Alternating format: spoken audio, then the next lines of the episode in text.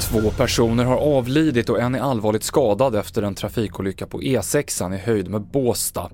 En minibuss hade av okänd anledning börjat brinna och blivit stående intill vägkanten när den blev påkörd av en lastbil. Lastbilschauffören har blivit gripen misstänkt för vållande till annans död. Och så här säger Kim Hild på polisen om vad som görs.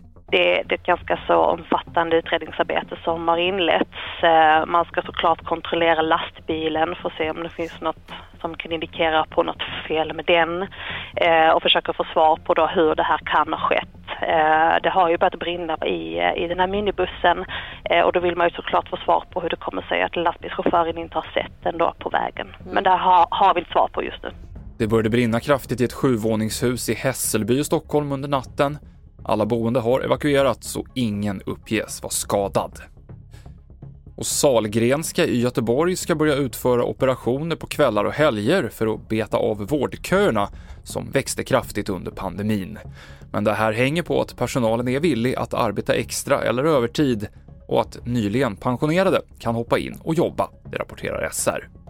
Fler nyheter finns på tv4.se. I studion Mikael Klintevall.